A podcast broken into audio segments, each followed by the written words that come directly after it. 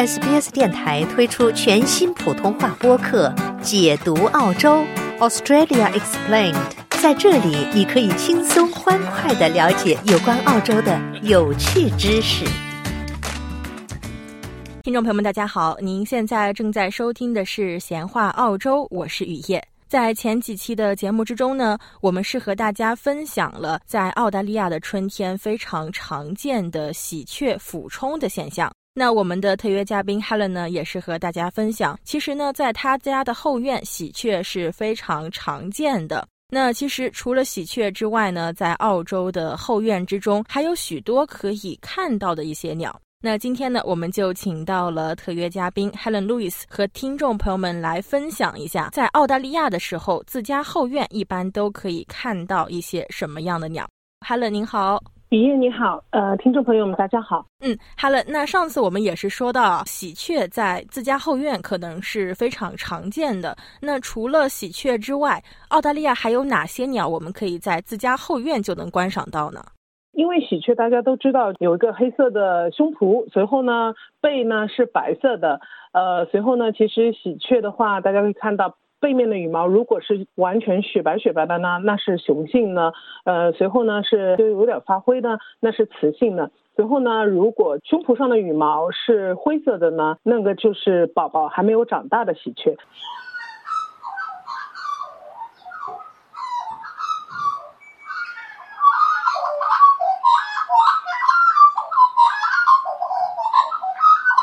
其实还有就是全黑的，那当然就是乌鸦了。呃，说乌鸦或者渡鸦，因为这边英语就是说是 crow 或者 raven 这两种，其实都是鸭属的。呃，那个鸟就是全黑的。还有呢，就是它会有一种叫 pied currawong，它其实是黑的，但是呢，在尾部呢有一点点白的颜色。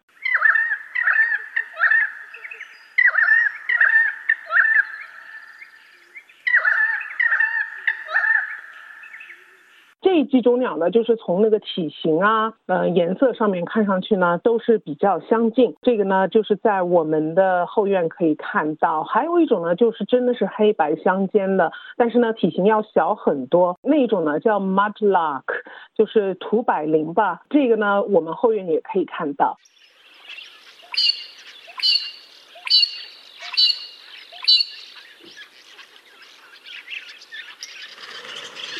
但是呢，说实话，后院里看到的最多的应该是 myna myna bird。其实呢，就是它两种这两种鸟的名字呢，它们的名字的拼写方法其实是不一样的。但是呢，呃，发音呢是非常相近。大家可以看到一种灰灰的小鸟，嗯，随后呢，它的眼睛呢有一点点黄颜色，随后它的喙呢是。黄色的这一种呢，就是淡灰色的那个呢，叫 noisy miner，。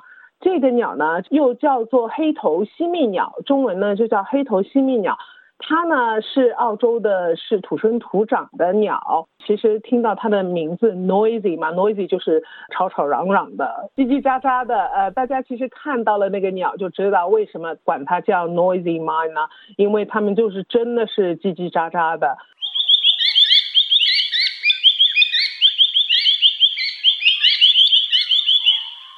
还有一种 miner 呢，是跟它体型是基本上是没有什么差别，就是那种小鸟，但是呢，它是褐色的，它的喙也是黄色的，眼圈呢也有黄色，但是呢，它的羽毛呢是深褐色，随后有一些香的黑色的边，那个呢叫 Indian miner，这个 miner 的拼写不一样嘛，但是这个呢，中文应该是叫印度八哥吧。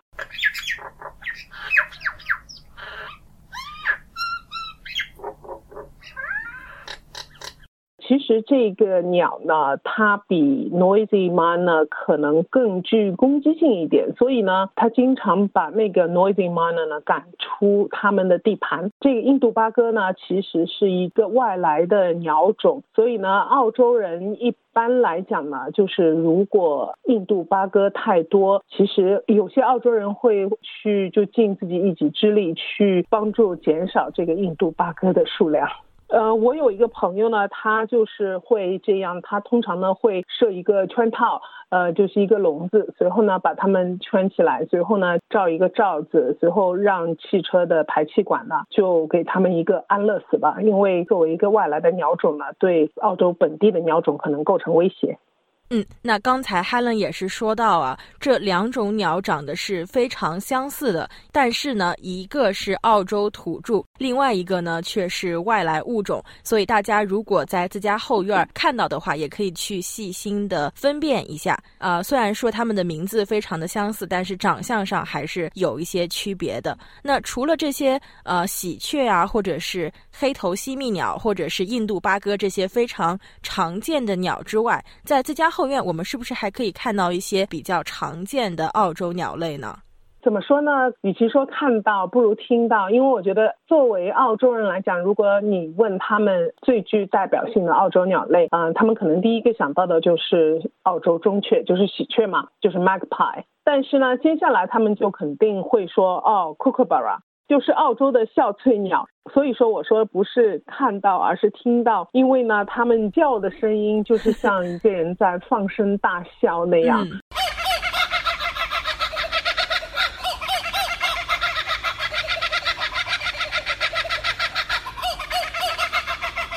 其实说实话，听了我觉得是非常愉悦的，就让人感到非常开心。嗯，这个是一种，还有呢，嗯，澳洲鸟类里面最聪明的，我们可以经常看到的呢，就是鹦鹉了。澳洲最普遍呢是 sulfur crested cockatoo，cockatoo 就是鹦鹉嘛。随后为什么叫 sulfur crested 呢？sulfur 就是硫磺，大家可以想象一下，就是是黄颜色的。呃，随后呢，crest 就是那个冠，所以说它那个冠呢是黄色的。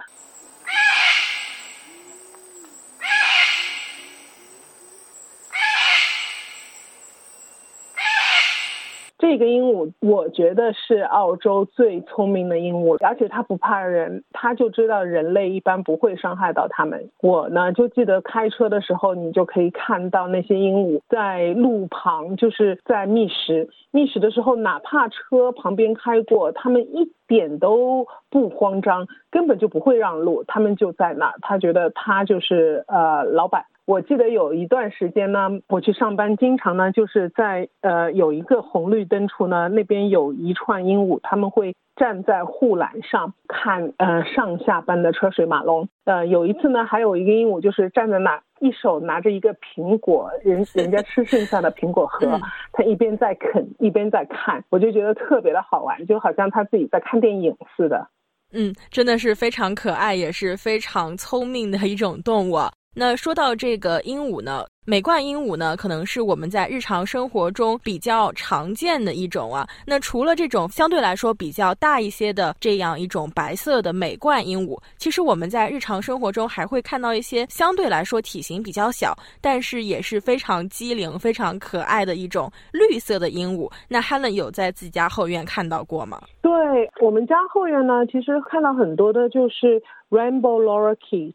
就是彩虹犀蜜鹦鹉。如果大家去过就是澳洲的野生动物园，其实很多地方呢都会有喂鸟的呃一个项目，对吧？记得我那个时候去 g o c o s 去 c a r a m b a n Wildlife Sanctuary，呃，就是野生动物庇护所、野生动物园嘛。呃，那个时候呢就可以喂 Rainbow Lorikee，就是彩虹犀蜜鹦鹉。但是我记得那鹦鹉要大很多。随后呢，那个时候他就给你一个盆子，里面呢是一些就是调好的蜂蜜水，可以吸引那些鹦鹉呃来喂食。但是呢，那个鹦鹉比我们这边墨尔本可以看到的鹦鹉呢要大很多。但是我记得那个时候在墨尔本是没有这个鹦鹉的。随后慢慢的，不知道为什么这些鹦鹉呢就慢慢的就移居到墨尔本城市来了。所以呢，现在其实。现在那个 Rainbow lorike 就是彩虹犀利鹦鹉啊，在墨尔本也是属于就是数量比较多的一种呃一种鸟了。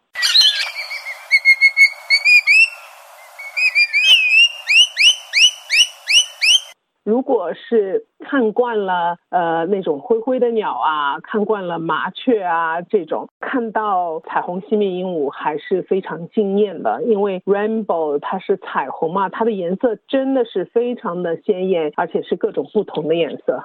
嗯，记得之前有去山上的时候，它会有一个像 Helen 所说的喂鹦鹉的地方，真的是能看到非常多不同种类的鹦鹉，真的都是非常可爱、非常非常美好的体验。那除了刚才说到的这两种可能比较常见的鹦鹉之外，可能有些听众朋友们也会看到一些长得跟这两种鹦鹉也是有一些差别的鹦鹉啊，它们的体型会相对于来说比较中等，但是颜色也会更加的鲜艳一些。那 Helen 有没有在自家后院看到过这样子的鹦鹉呢？对，呃，其实呢，我们可以看到，就是呃，有一种呢叫 Eastern Rosella，就是东部锦鹰。它的翅膀呢是那种黄黑相间的，随后它那个头呢。呃，是红红的。其实呢，大家可以去超市去观察一下，超市买番茄酱。澳洲呢有一个非常有名的番茄酱，它的牌子就叫 Rosella。呃，随后大家看那个番茄酱的标签上那个鹦鹉，就知道那个 Eastern Rosella 是长什么样了。我记得就是有一年开联邦运动会，East Rosella 呢，它还是作为一个呃运动会的吉祥物，呃，也可见就是它在澳洲人心目中的地位。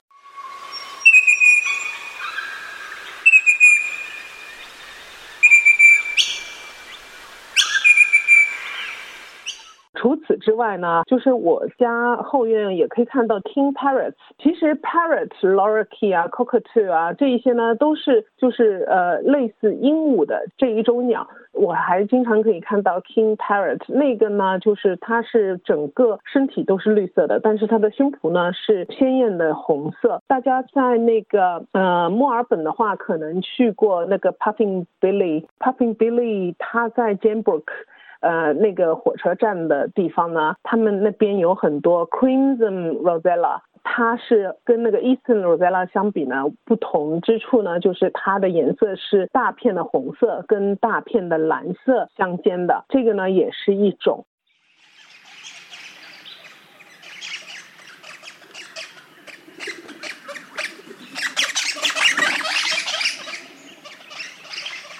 还有呢，就是可能很容易跟那个 cockatoo，cockatoo 澳洲人呢就是昵称 cockatoo 为 cocky，很容易跟那个 cocky 混淆的呢就是 corella，corella 呢是一种白色的，就是远看你可能觉得它就是 cocky，但是它不是，它是一种白色的鹦鹉，但是它的眼周围呢是红色的，其实说实话看起来有一点邪恶。随后还有一种呢，叫格拉，格拉它是一种粉红的鹦鹉，应该不是我们说的那种白头翁吧？但是呢，它的头的确是白色的。随后呢，它也是经常是在路边，大家可以看到，在路边的草坪上觅食。最后呢，还有一个。澳洲人非常青睐的一种鹦鹉呢，就是虎皮鹦鹉了，就是 b u d r i g a。当然了 b u d r i g a 作为一个名字来讲，对于澳洲人来讲那就太长了，所以呢，他们就把它简化成 b u d g e。嗯，那现在也是可以看到很多人都会在家中家养虎皮鹦鹉啊。因为我自己的朋友呢，他就是养了两只非常可爱的虎皮鹦鹉，然后是天天可以放在手上把玩的那种，也可以从侧面说明这种鸟真的是非常非常的亲人。那刚才呢，我们也是和大家说了非常非常多可能可以在自家后院看到的一些鸟。那哈勒，如果是在自家后院看到这些鸟的话，我们是不是也可以去给它们提供一些食物，和它们交个朋友呢？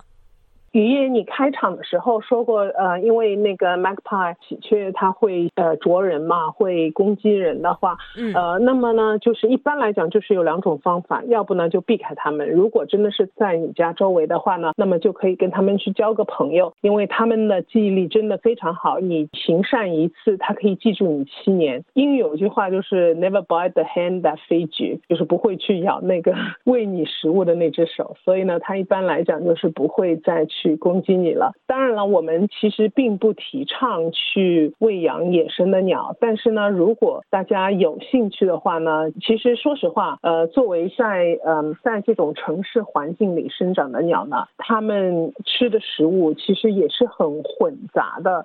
所以呢，并不是说我们不喂，它们就不会吃那些可能被人类丢弃的食物。怎么说呢？最好的一个例子就是，呃，墨尔本在市区啊或者临海地区可以看到的海鸥。海鸥的它的饮食习惯，我觉得百分之五十都是薯条，就是 大家 fish and chips，对，就是喜欢偷呃人的薯条吃。所以呢，如果大家要喂呃喂食看到的野生的鸟呢，我觉得最重要的一点就是不要把它养成习惯，你可以偶尔喂一下，那偶尔就是开一个小灶，不要经常就是作为一个呃有规律的情况下去喂，只是偶尔喂一下。最后呢，他们还是可以自己去觅食的，但是呢，一定要保证就是你要喂适合他们吃的食物。比如说我家附近的 magpie 吧，其实我家附近有一个 magpie，它只有一只眼睛，还有一个 magpie 呢是一个瘸腿。但是呢，我想象就是可能因为我们呃偶尔会喂食，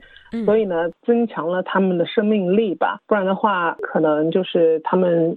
自然而然就是有一些力士在觅食方面，比如说 magpie，如果你要喂那个呃 magpie 就是喜鹊，如果你要喂喜鹊的话呢，那么千万不要去喂面包啊这些，还有我们就是吃的食物尽量不要去呃喂高盐的盐分的食物，像面包呢，对他们来讲，因为碳水含量太高了，所以呢对他们来讲就像吃糖一样，呃，所以呢对他们是并没有好处的，而且呢其实喜鹊呢是。一种食肉的鸟类，所以我说实话，如果我要喂我喂什么呢？就是比如说我家呃烤了一只羊腿，那剩下来一些羊肉，我可能会切一点点就去喂它们。有的时候呢，呃，我会用火锅牛肉卷去喂。为什么呢？如果是生肉的话，那么你需要去冻一下。这样的话呢，这个肉就对那个呃喜鹊来讲呢就比较安全。但是呢，如果是西密鹦鹉、彩虹西密鹦鹉，我就从来不喂。虽然说就是有的时候你喂喜鹊的时候，彩虹西密鹦鹉居然会，我是看到过，它们居然会来吃肉。肉其实不是他们的饮食习惯中的一种食物，但是呢，根本就不会想到彩虹西密鹦鹉会对肉有兴趣。但是他们，我看到过他们就。是也来凑热闹，来吃一口肉。随后呢，我就去网上搜了一下，发现的确，因为现在这一些鸟呢，它到了，呃，就像我刚才说的，就是彩虹西密鹦鹉，其实之前在墨尔本并不常见，但是现在呢，随处可见。所以呢，它就到了那个城市的环境中，也就慢慢的就开始适应城市的生活。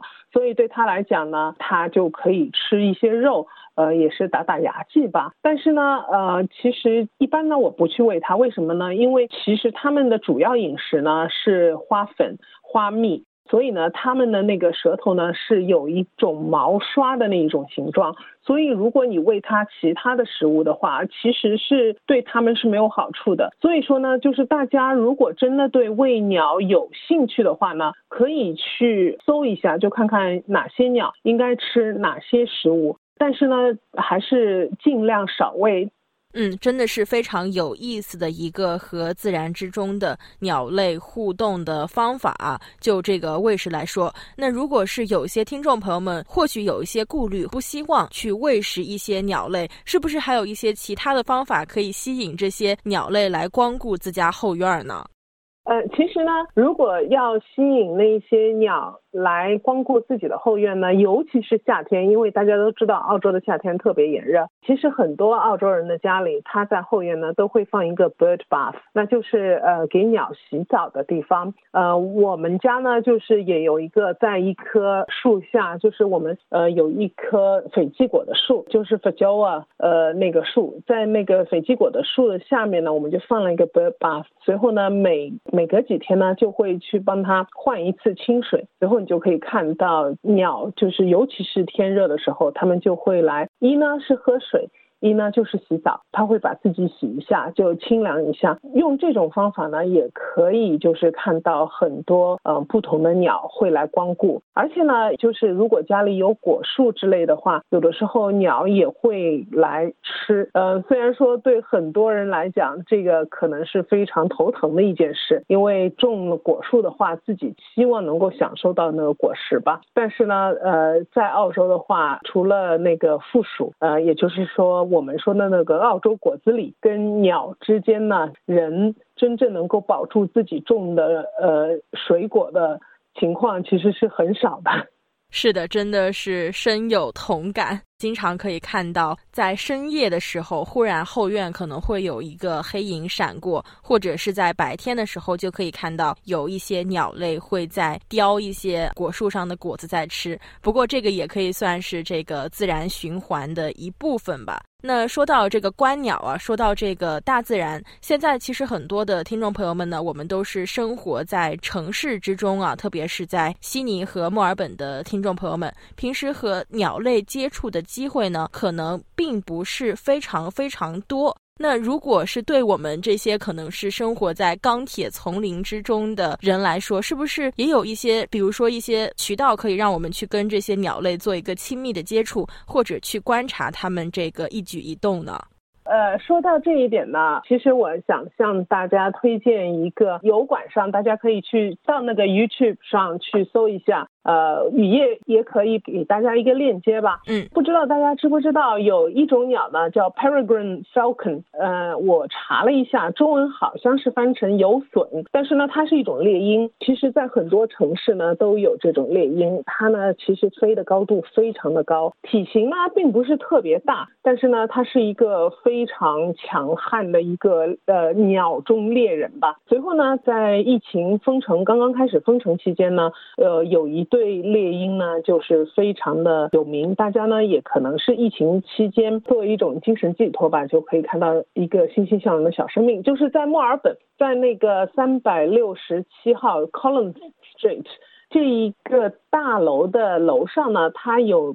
有一个外部的一个平台，有一对猎鹰呢，从一九九一年起就在那里筑巢，所以每年呢都会养育一些鹰宝宝。所以呢，就是时间久了，大家发现这一个情况后呢，就有人安置了一个摄像头，真的是我觉得是比我们追的任何剧都要好。因为它没有广告，而且完全是实时的，任何人都可以看，小孩子也可以看，大人也可以看，就是看鹰妈妈，呃，鹰爸爸怎么去呃抚养养育自己的鹰宝宝，从下蛋开始，直到孵化。随后喂宝宝，现在呢，目前呢，就是今年他又有四个宝宝。随后呢，现在四个宝宝都孵化了。其实说实话，呃，一开始呢是两个，后来是三个，随后第四个呢要等了大概两三天。哎，我那个时候是真的担心不会有什么事吧。但是最终那第四个小宝宝还是出来了，所以呢，现在还是毛茸茸的一团白色的一个球。现在呢，就四个宝宝都是还是这个状态，但是肉眼可见，他们每天都会长大很多。随后呢，等到他们长大了，可以自己飞，可以学会怎么去猎食的话呢，到时候呢，鹰妈妈会把他们赶走。所以呢，还会有一段时间，大家可以看到，就是一个小生命从出生到长大的这个一个过程，真的是强烈推荐大家就可以去看一下。嗯，听起来真的是非常有意思啊。那正如哈伦所说呢，在节目过后，我也会把相应的链接贴在我们闲话澳洲的文章之中。如果是有兴趣的听众朋友们呢，到时候可以去点击链接去观看这对有损夫妻的育儿之旅啊。那 Helen 说到这个有损夫妻，我知道这中间是不是还有一段三角恋情的存在呢？听这个新闻报道所说，看新闻才刚刚知道，其实今年呢是有一个怎么说呢，就恩爱情仇，所以我说这是一个呃挺值得追的一个剧，因为呢就是它那个剧情还有点跌宕起伏呢。呃，如果大家去看的话，会看到有两只这个有损猎鹰。随后呢，其实鹰爸爸并不是现在四个小猎鹰的爸爸，呃，他呢是在跟原先鹰妈妈的伴侣。在进行争斗之后呢，他胜出，所以呢，他就接手了这一家子。但是之前的那个伴侣呢，现在就不知道到哪里去了。所以呢，一些鸟类的专家呢，他们就觉得有可能就是在争斗中呢死亡了，所以觉得也是挺可惜的。但是，一开始呢，大家都说，哎，这个新的鹰爸爸不好。为什么呢？他貌似呃对孵化小鸟啊之类呢不感兴趣，所以呢他们就觉得，哎，你既然把本来的鹰爸爸赶走，但又不愿意负责任啊，我觉得好像有点像我们说的渣 渣男。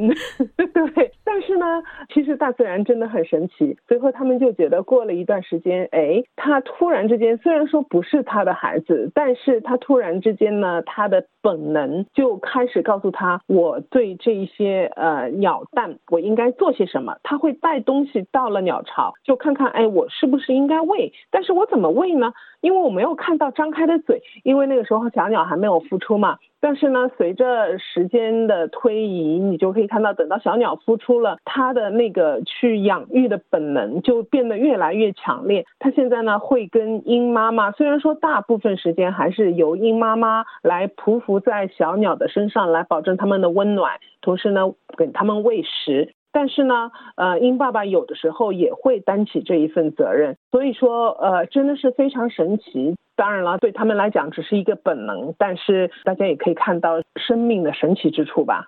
嗯，可以感受到这个大自然的气息啊，也可以是感受到这个生命的神奇之处。那如果是有兴趣的听众朋友们呢，我们也是推荐您去观看油管上这个免费的二十四小时直播的频道，可以去追踪这个游隼一家的生活呀。那今天呢，Helen 也是和我们分享了非常多有关于鸟类的知识。包括在自家后院可以看到的一些鸟类，以及喂食鸟类的一些注意事项，还有刚才说到的非常有趣的鸟类的实时摄像。那今天呢，也是非常感谢 Helen 给我们带来的分享，谢谢 Helen，谢谢语言，谢谢听众朋友。想在 SBS 当一回影评人吗？SBS On Demand 正在推送配有中文字幕的热门影视作品。您只需观看一部或以上影视作品，并把影评观后感发给我们，就有机会赢得一份 SBS 精美礼品。